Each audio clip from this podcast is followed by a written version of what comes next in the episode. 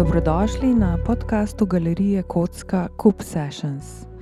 Današnji gost je Leon Zakrajšek, svetovno prepoznani umetnik, ki je dobršen del življenja posvetil raziskovanju japonske kulture s poudarkom na tradicionalnih slikarskih in grafičnih tehnikah. Je laureat prestižne štipendije japonske vlade leta 1997 predstavnik JPA Japonskega grafičnega združenja za japonske razstave v Evropi in edini tujec s članstvom v omenjenem združenju.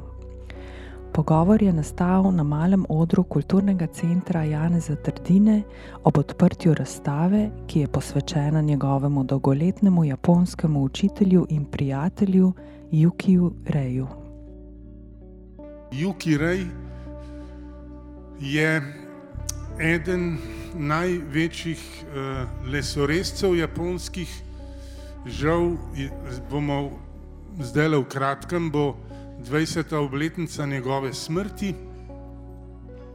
Jaz sem ga poznal že tudi prej preko njegovih del, potem sem imel pa to srečo, da, da sem spoznal enega ključnih ljudi iz uh, uh, Združenja japonskih grafikov, To je gospod eh, Harumi Sonojama, litograf svetovnega slovesa. Eh, postala sva prijatelja in, in on je potem z svojo ekipo ljudi na japonskem mene predlagal leta 1996 za eno štipendijo japonske vlade. Jaz to nisem vedel, zato ker Japonci vse, kar delajo, delajo tako, da ti šele polk je že vse mimo, šele zveš, zakaj gre. To je vse tako v enih koprenah zavito. No, ampak eno noč je prišel en faks, takrat so bili še faksi in je tako ene 15 strani papirja padal ven in jaz sem ugotovil, da moram čez en mesec prideti v Tokio, ker sem dobil štipendijo japonskega parlamenta. In sem seveda šel, ker je bila to moja velika želja, tudi že prej, in sem tudi že bil na japonskem že prej, ampak bila je želja, da bi konkretno neko znanje dobil na japonskem, zato ker v grafiki, v tradicionalni grafiki ima japonska, si upam trditi, mogoče vodilno vlogo v svetu, potem, da je večino grafičnih tehnik so izumili Japonci, pa tudi eh, najvišja kvaliteta likovnega dela je bila vedno njihova. No, in prišel je dan, ko so rekli, zdaj boš dobil enega mentorja, ali pa dva, ali pa tri, ker so pač oni z mano delali ene plane. Jaz sem potem, nisem hotel biti več študent eh, na v, v šoli, zato ker sem imel že 35 let in sem bil že formiran avtor v nekem smislu in sem tako dost nonšalantno odklonil japonsko štipendijo. E, to je bil velik škandal na japonskem, ker to se ne dela. No, ampak e, imam e, velikrat v življenju, sem imel srečo in sem imel tudi takrat, in so me povabili na eno razstavo čez ene tri dni in so rekli, pa bo šel pa nazaj domov v Slovenijo, zato ker si odklonil štipendijo, ampak zdaj si štle še tri dni, pa prid na eno otvoritev, ker bo razstava petih največjih japonskih grafikov. No, in sem šel, in tam se je pa pojavil en, en drug profesor, en gospod Fumio Kitaoka, ki je pa še bil še večji. Eh, še večje ime. In on je potem rekel: Jaz sem naredil plan, da boš ti dva dni hodil k meni, dva dni boš hodil k temu Jukiju Reju, dva dni boš hodil eh, k temu Sonojami, vsako soboto boš šel pa na akademijo, ker pri nas se dela tudi ob sobotah. In bojo oni tam štemplali papirje, tako da bo država pokrita, da bomo vsi zadovoljni in jaz sem ostal na japonskem. No, in pride dan, ko spoznam Jukija Reja. On se je rodil leta 28, umrl je leta 2003. in prvo srečanje z velikim mojstrom, ker jaz sem vedel, kdo je on, je bilo tako dost komične uh, narave. Namreč, prišli smo k njemu domov v njegov atelje. Japonski ateljeji so majhni ateljeji, tako kot so stanovanja na japonskem majhna. Tako da, če imaš 40 kvadratov velik stanovanje, to že pomeni, da imaš kar orang stanovanje. Ateljeji so pa tako 15-10 kvadratnih metrov, no, on je imel pa kar precej velicga. Uh, In pridem na obisk, in jaz se usedem noter, in on mene tako pogleda in mi reče: Ja, zakaj pa zgledaš ti tako kumaren si neki, a si ti danes že kaj jedel ali nisi jedel? Uh, Moram še to povedati, govoril je perfektno angliško in francosko, naučil se je sam, ne v šoli. To mi je pa povedal. In jaz sem rekel, ja, neki sem zjutraj pojedel, je rekel, to ni nič, zdaj le bomo imela najprej zajtrk. No in pol je on že takrat, leta 97, eh, na japonskem so že poznali ta eh, naročanje hrano na dom, ne, pri nas je to zdaj popularen, tam je bilo pa že takrat in je prišla hrana in mi sva začela jesti in nenadoma on ven iz ust potegne svojo protezo in jo da na mizo. In reče, kaj pa praviš na tole? Jaz sem bil v šoku, ne? vidim mu ne zobe tam na mis. Sem rekel, ja, zobe ne, ja, je rekel, sam sem jih jaz naredil, mi jih ni naredil zobar.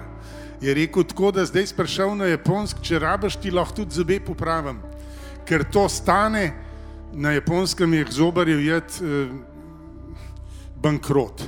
Ne? Ampak jaz nisem vedel, da se on, takoj mi ni bilo jasen, ker nisem nikoli še srečal Japonca, ki bi bil tako neposreden. In pol je dal zobe nazaj not in je rekel, veš kaj, jaz, jaz mal tudi, eh, on je v bistvu bil izumitelj določenih orodij za lesorez, japonski lesorez, med drugim je izdelal eno orodje, s katerim Japonci tiskajo grafike ročno, brez, brez mašine, brez preše. To je baren, to je en list, eh, bambusov list, ki se ovije v krog ene lesene ploščice in potem ti, ko odtiskuješ grafiko, pritiskaš po zadnji strani papirja, no on je naredil ta baren, ampak čisto eno novotarijo, In pol mi je zmeril roko in je rekel, jutri boš dubu pa zadaril od mene uh, tale baren, ker vsak mora imeti svojega za svojo veličino roke. No in tako sem jaz tam pojedel zajtrk, videl zobe, dubu uh, obljubo, da drug dan dobim baren in je rekel, jutri se pa spet vidva. In, in sem pol hodil k njemu dvakrat na teden in je bil tako, za razliko od japonskih uh, ljudi, oni pravzaprav domov ne spuščajo ljudi tako, kot to delamo mi.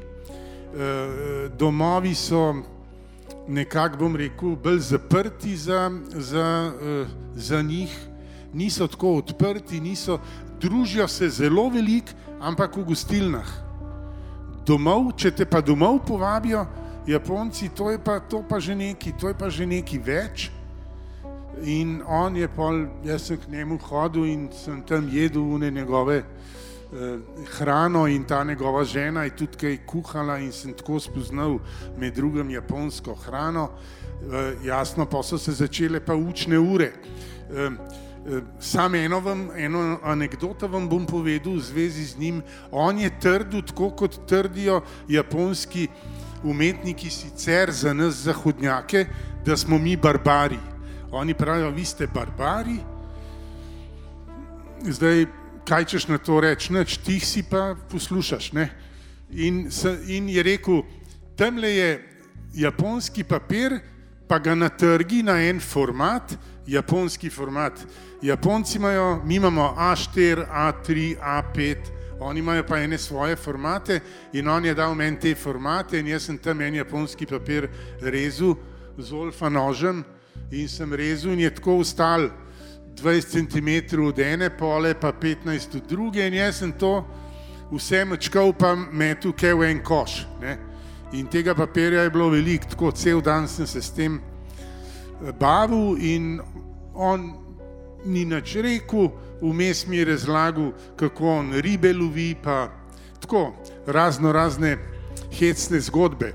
E, pol pa zvečer je bilo pa konc, pa je rekel, no, jutri se pa spet v Bosmih zjutraj vidva in jaz pridem zjutraj v Bosmih in, od, in on odpre vrata od svojega ateljeja, ki je bil majhen, ampak tam so bili uni zmečkani papiri, ki sem jih jaz stran vrgel, po celem ateljeju zloženi, poravnani. In jaz, ki sem to videl, sem vedel, da sem ga, da sem, da sem ga posral, ne? Da sem naredil kriminalno dejanje. In, in, in sem se, nisem vedel, kako se mu naj upravičam. In on je rekel, lekcija številka ena. Zdaj ti pa jaz pokazal, kaj se od tega papirja vse da narediti. Eh, in jasno, tako sem se učil na napakah, oni te učijo na situacijah, Japonci, to je tipičen za te mojstre, ker on je pač mojster in on tebe ne krega, niti ti te ne kritizira, samo na vsakič je bila neka situacija in v tej situaciji ti vidiš, koliko si ti pravzaprav, koliko neč ne veš, koliko si jasno, zato ker uh, japonska tradicija je dolga, je več tisočletna, oni imajo svoje cehe in on je bil en tak izjemen primer. On je tudi napisal prvo knjigo na japonskem, ki je bila priročnik za bodoče grafike, ampak v japonskem jeziku, jasno, ne, brez fotografij, tako da dubu sem jo, sam eh, ti ne pomaga. Ne. No, ampak pol je pa pokazal veliko stvari, veliko sva se družila in on je v bistvu meni odprl neka vrata v skrivnosti japonske tehnologije, eh, potem tudi tako multidisciplinarno o življenju, o kulturi, o obnašanju, ker Japonska je država, ki ima ne vem, par tisoč pravil, ki so napisana, polih je pa še ne par tisoč, ki pa niso napisana in oni pričakujejo od tujca, ki pride kaj, da, da se ti učiš in da ti to sprejmeš, ker mi smo barbari za njih. In, in pol hmal vidiš, da v, nekih, v nekem smislu imajo celo prav.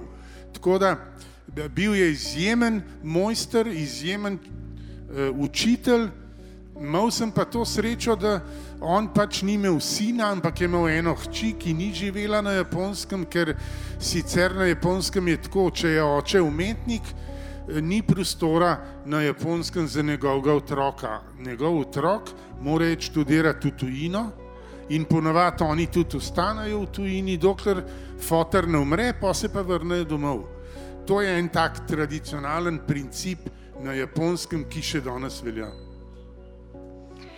No, in uh, ko, ko ste doživeli vse te uh, stvari na japonskem in se učili od umetnikov z japonske, od Jukija Reja, svojega senseja, uh, kako bi lahko rekli, da vas je to spremenilo v primerjavi s tem, kar ste se učili v Evropi, na Zahodu?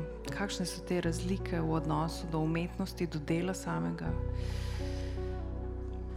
Ja, bazična razlika med recimo profesori na naših, na, iz naših krajev in med profesori recimo v tujini. Jaz sem imel to srečo, da sem študiral v, tudi v Italiji, pa v Španiji, eh, pa pol še na japonskem in sem bil v obdelavi pri določenih mojstrih. Eh, ne bi hotel zdaj biti preveč kritičen, ker me vsi poznajo, pa tako zmeri govorijo, da sam kritiziram, ampak eh, nekaj je pa treba povedati. Recimo, imam občutek, da so profesori na slovenskih, eh, na, na slovenski akademiji, ker takrat, ko sem jaz študiral, je bila samo ena akademija, zdaj jih je zmeri več. Eh, da so, tako, da so to neki veliki umetniki ali pa mogoče mislijo, da so veliki umetniki, eh, manjka jim pa v bistvu ena, ena bom rekel, eh, preprostost vizavi svojega študenta, zato ker ta študent ne, bo potem nekega dne odrastel človek in bo mogoče presegel svojega učitla, zato je treba zelo paziti, kaj govoriš svojim študentom, kako se do njih obnašaš. Se mi zdi, da so bili tako več ali manj z redkimi izjemami, ki so tudi bile, da so bili zelo naduti, polni sami sebe in da so tako hodili na akademijo, malo šah igrati, pa malo so ga pil, pa, pa tako so se pojavili enkrat na 14 dni pa ti niso kaj dosti povedali. Tako da eh, jaz sem imel eno srečo, da sem hodil pred Akademijo Ljubljansko na šolo za oblikovanje. To je bila eh, tam v Križankah, je bila ta šola in lahko rečem, evo, pred kratkim je same obletnice mojih, mojih učiteljev, moj prvi učitelj, ga moram omeniti, je bil profesor Goraš Šefran, on je pred kratkim umrl, Oh, on je bil, um, če dovolite, sam še da skočim, pa da njega o njemu nekaj povem. On je bil kriv za to, da sem jaz kot 15-letnik, ki sem prišel k njemu v obdelavo, se zaljubil v, v grafične tehnike, ker grafične tehnike to je ena posebna zgodba v likovni umetnosti um, in on je bil vrhunski mojster priznan v svetu, tle pa nas ga pa niso marali, zato ker za časa Jugoslavije je on vice pravo o policiji, pa o udbi, pa tako naprej in so si to eni zapomnili in pol so ga mal šikanirali, pa se je človek mal zapil, ja, ampak je šel pol v neko notranjo svojo in je bil vrhunski grafik, no, on je kriv za to, da sem jaz se odločil, da bom jaz študiral grafiko, potem kasneje in sem tudi jo pol na akademiji. Sam hvala Bogu, sem prišel že na akademijo z nekim dost velikim znanjem o tehnikah, tako da, da sem nekako nemoteno deloval tako kar mal bolj na svojo roko. Mal sem pa tudi srečo, da sem pa potem, ne vem, v četrtem letniku sem pa imel enega profesorja, zvesta Apolonija, Eh, ki je bil tako primorc in odprt človek in je bil. In je meni rekel, ma ti krt, ma deli, ma ti vse to je kaj. Jo? On je bil en tak uh, Don Juanovski tip, profesor, lep človek, zgledal je tako kot te italijanski kazanove, imel je izjemno znanje, ampak žal uh, je on učil uh, sitotisk, Jaz pa si to tisk nisem smatral kot neko resno tehniko, ker mene je moja prva ljubezen, so globoki tiski, tisti, ki ne veste, kaj to je. To, to so grafike, recimo Božji Darjakac, vaš, vaš sovaščan, on je bil največji, se mi zdi, med največjimi ali pa največji strokovnjak na tem področju jedkanice, akvatinte, suhe igle, to je globoki tisk, to je v bistvu intervencija v, v matrico, v, v ploščo od eh, cinka, bakra, to je umazan del, to smrdi, to si umazan, to je naporen, samo odtisi so pa, so pa sočni, božanski in, in tist, ki se enkrat zagifta s to tehniko, je pol za zmeri zastrupljen, sej so tudi še druge, moderne in tako naprej. Eh, no, Goraš Šefran je bil kriv za to, Juki Rej pa kriv za to, da sem jaz spoznal eh, skrivnosti japonskega lesoreza, ki je drugačen od zahodnjaškega lesoreza po čem. Zahod mi na zahodu imamo leseno ploščo, ki je včasih bila češnjava, zdaj so pa druge, ne, cenejše variante, režemo v to eh, ploščo in odtisnemo to na papir z oljnimi barvami skozi prešo, skozi mašino. Japonski lesorez je pa lesores, se pa drugače režejo linije, je čist drug postopek, so drugačni noži za rezanje, so zelo podobni japonskim mečem, ampak so majhni in oni uporabljajo ne oljnate barve, niti ne uporabljajo valčke za nanašanje barve, ampak imajo zato ene posebne čopiče iz konjskih repov in barva je, pigment je na vodni osnovi, v, to, v ta pigment se dodaja riževo lepilo in v bistvu to je v bistvu odtis akvarela. Samo ta tehnika je izjemno zahtevna in zahteva od, eh, od, tudi od mojstra, še bolj pa od eh, nekoga, ki se uči. To je drill, to je ponavljanje, to je, to je tako dost težavne stvari so, zahtevne so in, uh, in imajo veliko enih pasti. In jaz, recimo, sem Tom, to je Mokuhanga, tako imenovana, to je ta japonski lesorez. Jaz sem ga pri njemu študiral en let, pa tudi neke druge tehnike, samo ga ne delam več v Sloveniji. Zakaj?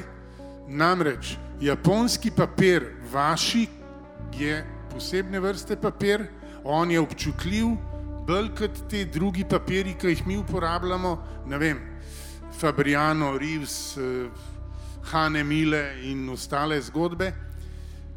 Potem moraš imeti japonske pigmente, to je drago, k, potem so uh, japonske plošče, japonski noži, predvsem pa mi nimamo toliko vlage v zraku, kot je na japonskem oni imajo skoraj skozi 70% vlago, poletje pa 100%. Zato po zim, pa spomlad, japonski umetniki delajo plošče, matrice, tiskajo pa vse polet. Ker takrat je toliko vlage v zraku, da se ta pigment drugače obnaša, pa papir se drugače obnaša.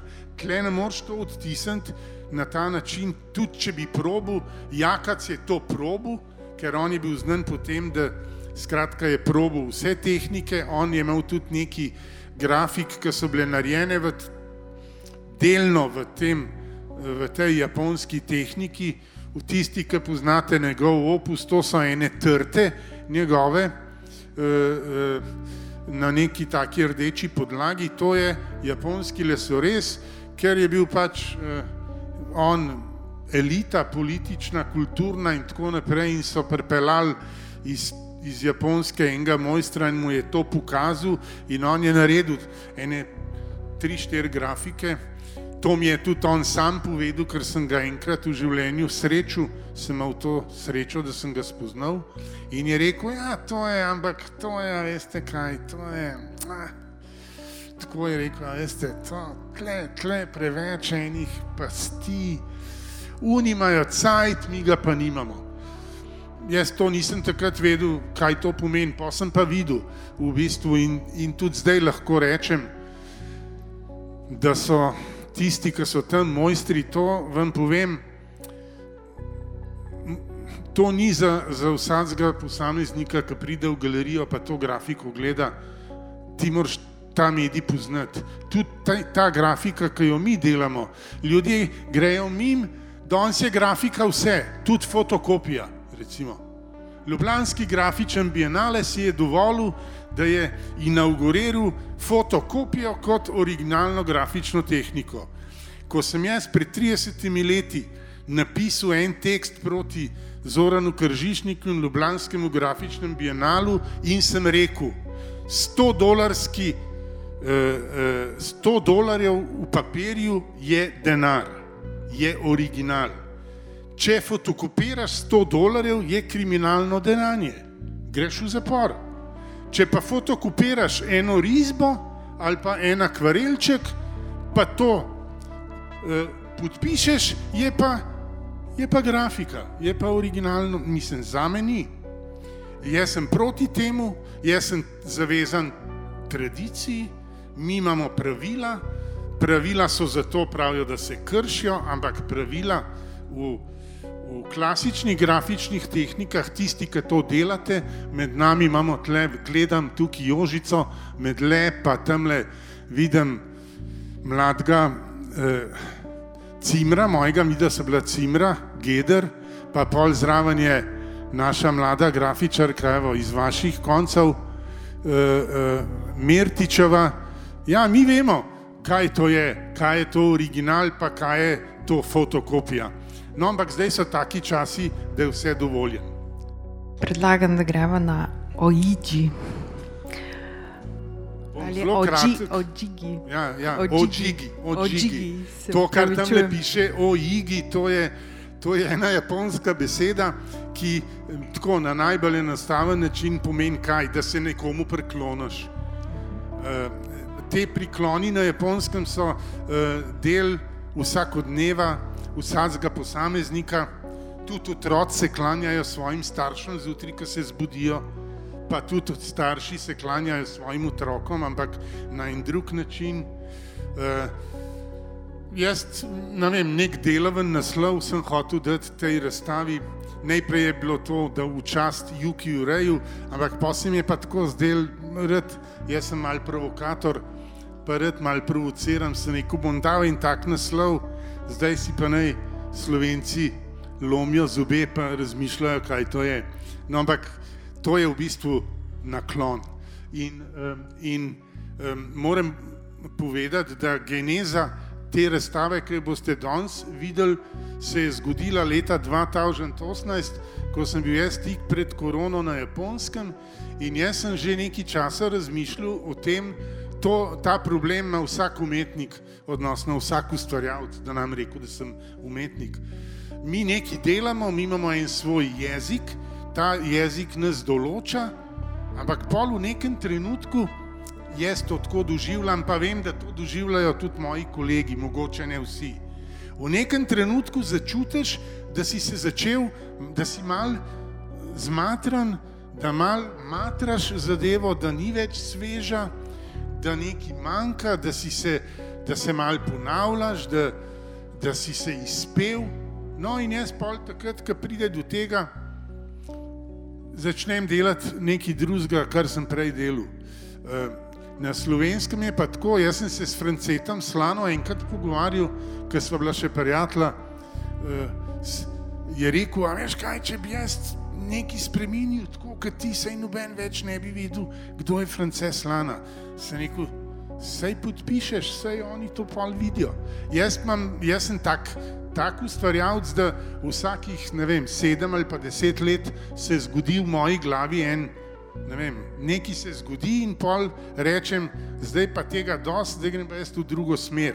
No, ampak to se je zgodilo na japonskem, eh, ne čist brez zveze, zato ker sem jaz tam imel nek sestank na tem združenju japonskih grafikov, Eh, in sem bil jaz v tistem času tudi član enega tokijskega združenja grafikov, ki ga je ustanovil Glih Juki Rej ene 20 let nazaj in sem bil edini tujc noter. Mal je bilo privilegija, to moram priznati, ker je moj mentor ustanovil to združenje, ker je rekel, to veliko združenje japonskih grafikov, ki ima par tisoč članov, je preveliko, dajmo narediti eno majhno združenje, to smo se mi da pogovarjali, sam jaz nisem si preveč mislil, da bo on to naredil, ker to je diverzija bila. Ne? Na japonskem ne moreš ti kar neko eh, društvo ustanoviti, če si že član enega drugega združenja. To so kodeksi, to so pravila. No, ampak on je rekel, sedemnajst jih bo, sedemnajst, je rekel, ti boš pa kot moj učenc, boš pa edini tujc. Jaz sem mislil, tako, niti nisem resno vzel, ampak ker tako včasih je on neumnosti govoril, pa ga nisem. No, ampak pol se je pa res zgodil. Zakaj 17?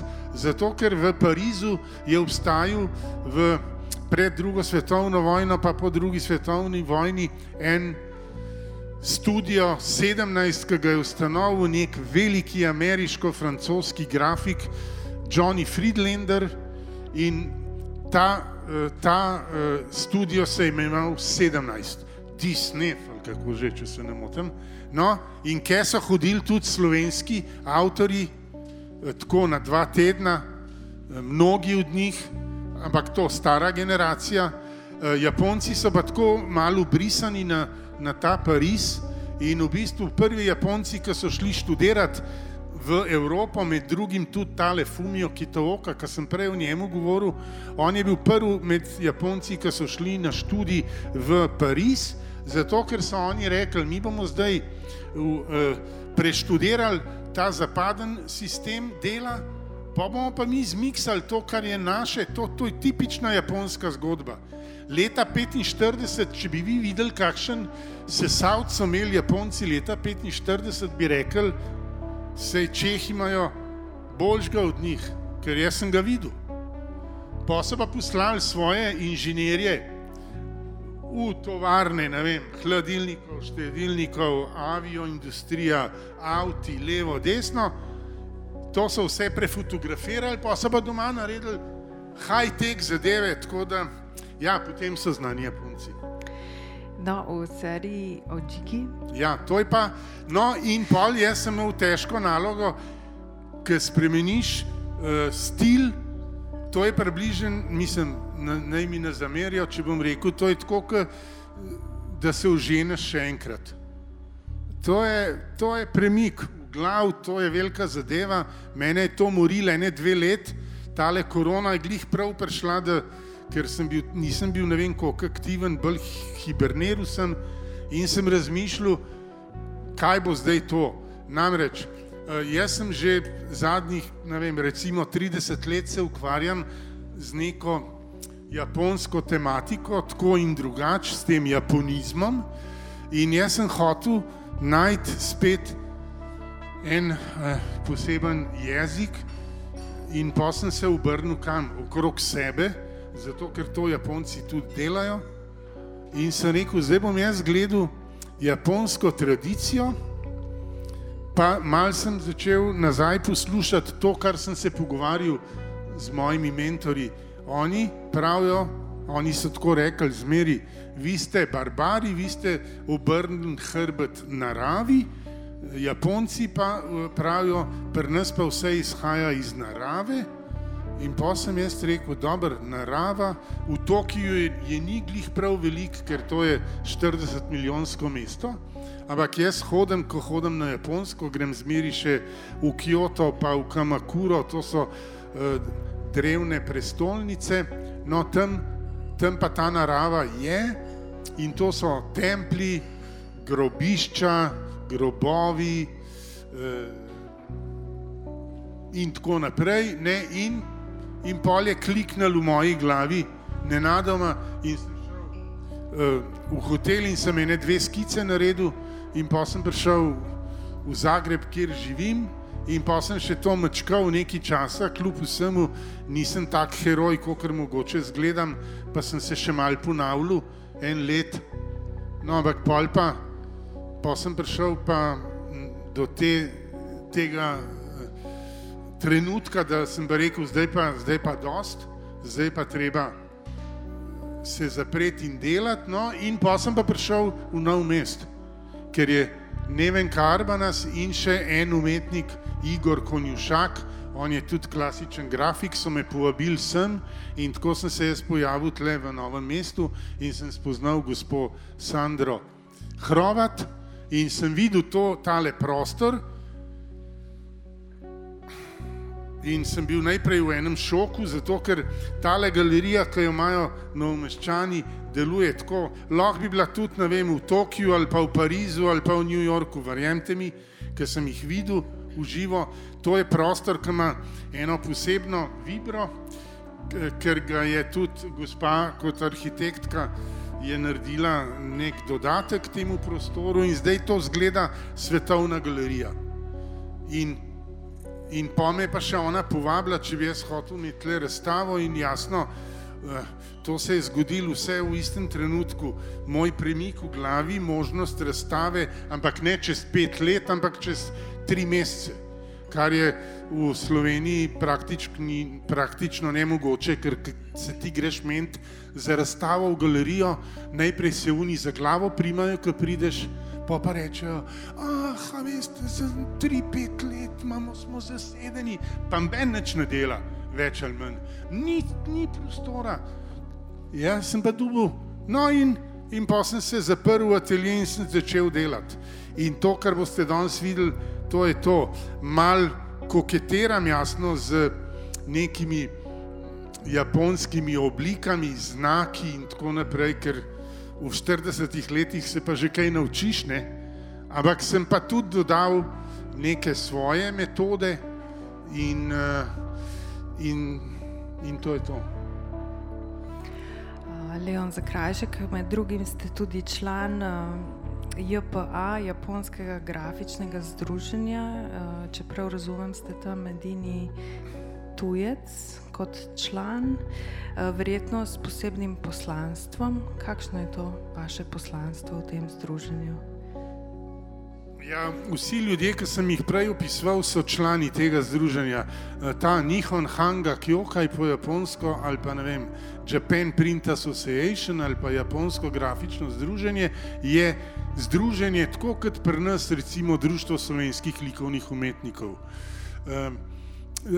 Zdaj le bo letos bo 90-letnica tega društva in to združenje je recimo na 120 milijonov Japoncev ali pa 140 milijonov Japoncev, to združenje ima zdaj 700 uh, članov, pa ima pa še ene 300 članov, ki so mladi do, do, do, do starosti 30 let in čakaš tako ene 20 let, čakaš, da prideš na vrsto, da si član v združenju, zato ker so to eni protokoli, ki imajo neka pravila, vas ne bom mučil s tem, ampak v bistvu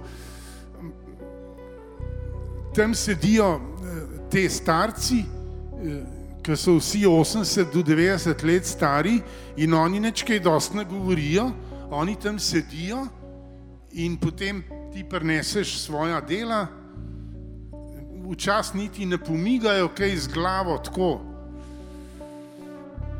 ne veš, kaj se bo zgodilo, in pol zveš, da moraš še en let počakati, in to pol traja 20 let. Po, pa po 20 letih se te pa mogoče usmilijo, čeprav so se tam tudi zdaj stvari spremenile. No, jaz sem se družil točno s temi ljudmi, ki so tam sedeli na, to so te tako imenovani ojabuni. Ojabun, to je ena japonska beseda, ki se na japonskem preveč ne izgovarja, To pomeni kaj general. Odnosno, samurajske kaste so imele svoje vodje in tako je bil vodja, je bil Ojabun. No, vsako združenje japonsko ima pa tudi svojega Ojabuna, tudi mi jih imamo, sam niso taki Ojabuni. No in, in pol sem jaz enkrat eno srečo, tam sem se učil pri teh Ojabunih, ne, pol pa so enkrat med leta, ne vem, 93, so me pa prosili, če bi prišel v Tokio, da imajo oni eno idejo, in jaz sem, bil, in jaz sem šel, in so rekli, mi bi radi naredili eno razstavo japonskih grafikov v Sloveniji. E, imamo še eno možnost v Anglijo ali pa v Švico, ampak mi bi radi Slovenijo. Iz enega preprostega razloga, zato ker mnogi japonski veliki Eh, umetniki in grafiki so dobili visoke nagrade na Ljubljanskem grafičnem bienalu. Ljubljanski grafičen bienale je bil v tistih najboljših letih sigurno ena od pet do deset največjih eh, grafičnih razstav v svetu. To je treba priznati. Tukaj ni nobene debate. No, in ker je veliko Japoncev dobil te Grand Prix in mnoge druge nagrade, so oni rekli, mi hočemo razstavo v Sloveniji, ampak nočemo sodelovati z grafičnim centrom. To vam ne bom povedal, zakaj ne, ker to bi bilo uh, tračanje. Ampak imamo, če ti lahko kaj v tej smeri narediš, pa nared. No, jaz sem pa tako, ne vem, po, po profilu sem tak človek, da se zmeri rinem v neke zadeve in pa sem rekel, grem domov, zdaj pa jaz to probu speljati. In jaz sem to razstavo naredil in je bila leta 96 v Škofje Loki, 100 avtorjev, 100 živečih avtorjev, vsak z eno grafiko, 200 grafik, prišlo je nekih 20 teh ojabunov na otvoritev še Milan Kučan se me je usmilil, pa je bil časten pokrovitelj in zadeva je bila, tako bom rekel, razstava, ki jo sicer, če jo hočeš videti, moraš iti, ne vem, v New York, London ali pa na Japonsk. No in, in mi sodelujemo naprej s tem uh, združenjem in pa sem jaz delal njihove razstave še druge po svetu, veliko tudi na Hrvaškem, kjer živim. No, in pa, pa leta 2014 je prišlo pa neko pisance od njih, da sem, ne da sem član postal, ker to nisem nikoli mislil, da bom, ampak da oni so me zbrali za nekega predstavnika za Evropo, za njihove razstave in, in za komunikacijo z evropskimi eh, umetniki. No, in to je pa bilo, to je pa jasno neskromno moram priznati, da sem bil v. Ne, in, ja, in pol pa to pa pol pomeni kaj, da moraš pa, eh, da moraš pa veliko delati tudi. To ni samo neka eh, titula, ki eh, se fajn počutiš, no, ampak vseeno, to smo delali in pol je pa. Pa sem pa dobil še tako, evo, sem kar pohvalil, zato ker, me, ker razen Jane Zavlahija, ki tle sedi za me, noben ne dela PR, pa sem pa dobil eno odlikovanje od japonske države tudi za moje aktivnosti. No, zdaj so se me pa pred enim letom, so se me pa usmilili eh, v tem Japan Print Association in so me zbrali za svojega tako imenovanega Special Overseas Member. To bi pomenil specialni prekomorski eh, član, ampak to je pri njih zelo resna zadeva in zdaj sem jaz njihov član. Tako da in sem zadovoljen in sem tudi zvedel, zakaj se je to zgodilo zdaj, pred enim letom, zato ker Japon, na japonskem številka 60, ko je nekdo star 60 let, to pri njih je prva večja vem, če je to slovenska beseda, pre, preokretnica v življenju enega posameznika. Oni tako pravijo, banalno bom rekel, nis več neumen, ampak nis pa tudi pameten, ampak ker pa 60 je pa že možno, da pa mogoče še bo kaj iz tebe. Ja, poke si pa 80 let star, to je pa, zdaj pa še to moram povedati, ki pa 80 let star, moj mentor je bil pa že čez 80 let star, ker sem jaz živel na japonskem, jaz tudi prem časopis, zjutraj en ameriško-japonski časopis in jaz vidim na prvi strani te ta fumijo, ki ta oka stoji v eni koloni in vidim, da mu japonski cesar neki prpena in jaz to vidim in jaz ga pokličem in jaz rečem, ja, sense, čestitam, ja, to je pa, mislim, japonski cesar, odlikovanje, on pa meni tako prav. No, da je že prid, ki že zamujaš, eh, je bil kar mal nevolen. Jaz grem pa v trgovino na japonskem, moraš, če greš na obisk nekomu, kupiti flašo, bombonjero ali kakšno hrano, jaz kupam eno flašo, pa eno bombonjero, pridem k njemu in ga tam objamem in Skratka, to se ne dela na japonskem, se ljudje ne objemajo, pa dotikajo, ampak jaz sem to kar naredil in pol je on tudi mene mal držal. Pa je pa rekel, no zdaj se pa tle vse, da ti jaz zdaj nekaj povem. A si videl uno kolono tam, pa jaz sem slučajno je men prpenil. Ih je bilo 300, pa sem to dubu in rekel, Najbolj pomembna zadeva je pa, da moraš biti star 80 let, ker če niste, ne predlagajo, ker to je en od ključnih pravil. Ni, je rekel, a veš, koliko mojih prijateljev je umrl, pa niso to dočakali. Tako da 60, 80, to sta dve številke na japonskem, pol pa še sedem dni, sedem mesecev, pa sedmo leto. To je pa, ker nekdo umre. Japonci grejo na pogreb, pol sedmi dan grejo še na svetišče, zažgejo in naredijo nek ritual, pol grejo pa šele čez sedem let, pa čez sedem mesecev, pa čez sedem let.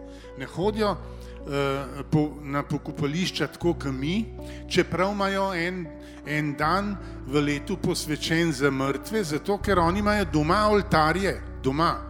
Vsak ima, doma, ima en majhen oltar, na njemu so slikce ljudi, ne vem, staršev, prijateljev. In vsak jutr, preden greš v službo, v šolo, tam prežgeš eno palčko, in pol zvečer, preden greš spat, tudi eno palčko prežgeš na, na Britofe, hodijo pa sedmi dan, sedmi mesec in sedmo leto.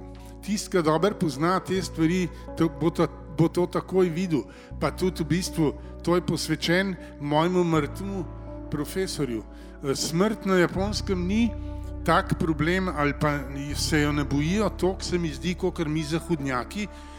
Pa mi mogoče celo mislimo, da, vem, da so vsi budisti ali pa šintoisti. Ali pa, vem, eni so tudi, Jap, Japonci imajo, so lahko tudi uh, multireligiozni, samo do smrti imajo en, en, en drug odnos. Tudi recimo, uh, nek obstajal je en Hokusai. Za njega ste slišali, on je bil en največjih grafikov uh, japonskih, je naredil un val in neke druge grafike, ki so zdaj že heretične. On je rekel tako, ko je bil star 80 let, je dal neko izjavo, je rekel, vse, kar sem do zdaj delal, to so bile vse probe. Zdaj šele bo treba začeti delati. Ja, na japonskem brka si star, bolj te cenijo. Tisti, ki je najstarejši, zmeri za mizo govori, ostali morajo biti tih. Že zaradi tega, ker, on, ker ima on svoja leta in v bistvu Japonci tudi ne poznajo domov za ustarele eh, na ta način kot mi, ker tebe, tvoja družina, tvoji starši skrbijo za te, študiraš levo, desno, gor, dol te vzdržujejo pol ti greš v svoj life, sam pa ti skrbiš za njih. Tako, brez, brez da bi bile kakšne velike travme, to je čist razumljiv. V dom grejo zelo redki, prvič to stane, drugič pa je to ena socialna zgodba.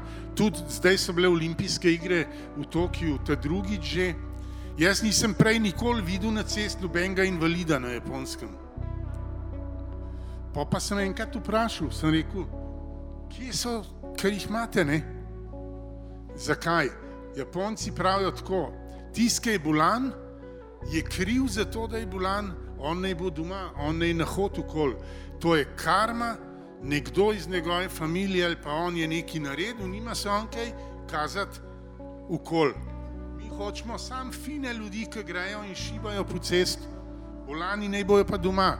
No, letos, so, ali kdaj so bile, lansko leto so bile v Tokiu olimpijske igre, so imeli pa poudarek točno na to, to je sprovociral japonski cesar in je rekel, mi moramo se odpreti, mi moramo pokazati naše invalide, mi moramo njim dati možnost, da se oni vključijo. In to je bil pol, te olimpijske igre so bile tudi v nekem smislu velika zadeva, zato da so Japonci socialno uh, se premaknili, ker mi, mi preveč razumemo na Zahodu ali pa pri nas, vsi ste verjetno gledali unga zadnjega samuraja, ki so ta film naredili Amerikanci, mislim, kriminalno dejanje, ampak to nima nobene veze. Uh, japonski Kurosawa, ne, je že vedel, zakaj je delal to, kar je delal, sami to ne razumemo. Eh, eh, ne vem, če veste, najstarejši roman na svetu iz 11. stoletja je napisala ena dvorna dama, Shikibu Murasaki, to je zgodba o Genžiju, vam priporočam, sam to ni knjiga, ki bi jo bral tako eh, zvečer pred spanjem dve strani. To si moraš vzeti en mesec sam za to, To so, Japonska je zelo zakomplicirana in, ima, in zahteva od, eh, od tujca en velik napor, in, in tudi moraš, mislim, ni enostavno. No? Tako, jaz jih imam zelo rad, ampak zdaj pa zmeri bolj jih imam, jih pa tudi nimam rad. Tako da, ker sem se naučil neke lekcije in Ja, posebni so, ampak eh, moramo jih spoštovati, naučiš se pa veliko od njih lahko. Današnja vizualna umetnost ali pa umetnost nasploh je en um, preplet, multidisciplinaren preplet znanosti, umetnosti, uh, digita, digitalizacije, uh, medijev. Um, in vse skupaj gre v bistvu v neko uh, tako imenovano holistično preoblikovanje prostora. Um, kje se znajde tukaj ta tradicija, ta tradicionalna grafika, kakšne so njene paradigme, uh, na kakšen način bo ostala ali ne bo ostala v tem prostoru? Ja, jaz sem zelo uh, neprimeren človek zadave, dajati izjave na taka vprašanja iz več razlogov. Pod A sem zavezan tradiciji, to je za me sveto pismo. Pod B razumem, da se zdaj, ko smo vse že fental, ne, da se zdaj na novo Eh, dogajajo ne vem, neki novi prijemi. Eh, to je fajn, če se znanost aktivira, to je fajn, če je interdisciplinarno eh, in če so to neke industrije in tako naprej. To, to je zdaj modern. Ne. Sam jaz, ki sem zavezan tradiciji, jaz sem zavezan enim kodeksom, ki zdaj izumirajo ne, v nekem smislu.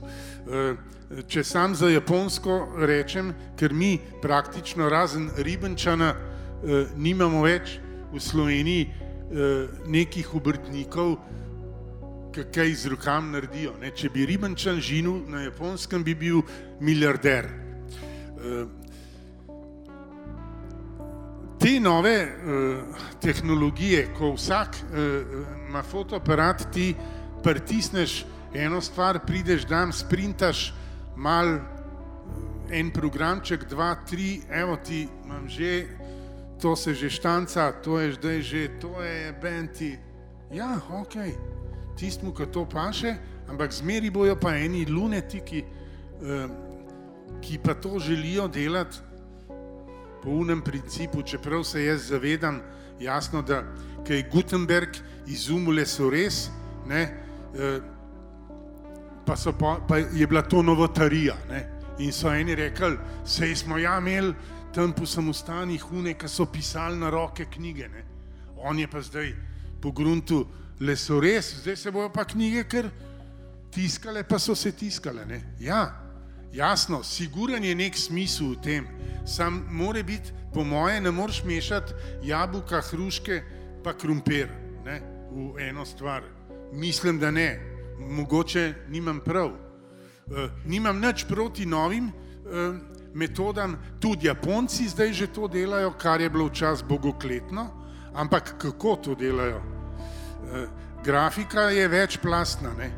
ali ima, ne vem, malo lesoreza, pol ima še malo, recimo, enega globokega tiska, na koncu pa še neki sprinta čez sprinter in to nalep gor in to je pa pol zdaj, ja, dodatek. Jaz, jaz bi to bolj, meni men to bolj paše kot neka, neka začimba. Ne? Začimba je fajn, če je mal. Če pa začimba prevlada glavno jed, pa mislim, da pa ne vem. E, nisem, e, verjetno ne boste zadovoljni s tem odgovorom, ampak jaz drugačen ga ne morem dati, ker bi zdaj lahko šest ur govoril tukaj, zakaj to ni tako. Sam nimamo časa za to. Sam mislim, da je treba videti, ker delujem mednarodno. Sem tudi član bil nekih žirij, hodil po svetu, levo, desno, velik. In jaz vidim, kaj revival tradicionalnih grafičnih tehnik se že dogaja. Največji eh, pokretači tega so v zadnjem času Kitajci, pa Latinska Amerika vračajo se nazaj stare tehnike, litografske delavnice se odpirajo po Čilu, Braziliji, Argentini. to raste kot gobe po dežju. Zakaj? Zato, ker pred drugo svetovno vojno in po drugi svetovni vojni se je masa Nemcev preselila v te dežele, zaradi tega, ker so bili naciji ali pa ne vem, karkoli drugega, odpeljali so sabo te stare mašine in, in zdaj so se tam eni mladi najdali in so rekli, dost imamo mi teh, uprostite izrazu, jajc, pa fotokopi, mi hočemo nazaj videti znanje, mi, mi hočemo nazaj videti nekaj, kar je sočno, mi hočemo nazaj videti kaj. To, kar je recimo, ne vem, vse poznate zgodbo, renesansa je največji, po moje, tudi največji dogodek za človeštvo, par excellence, ker renesančna umetnost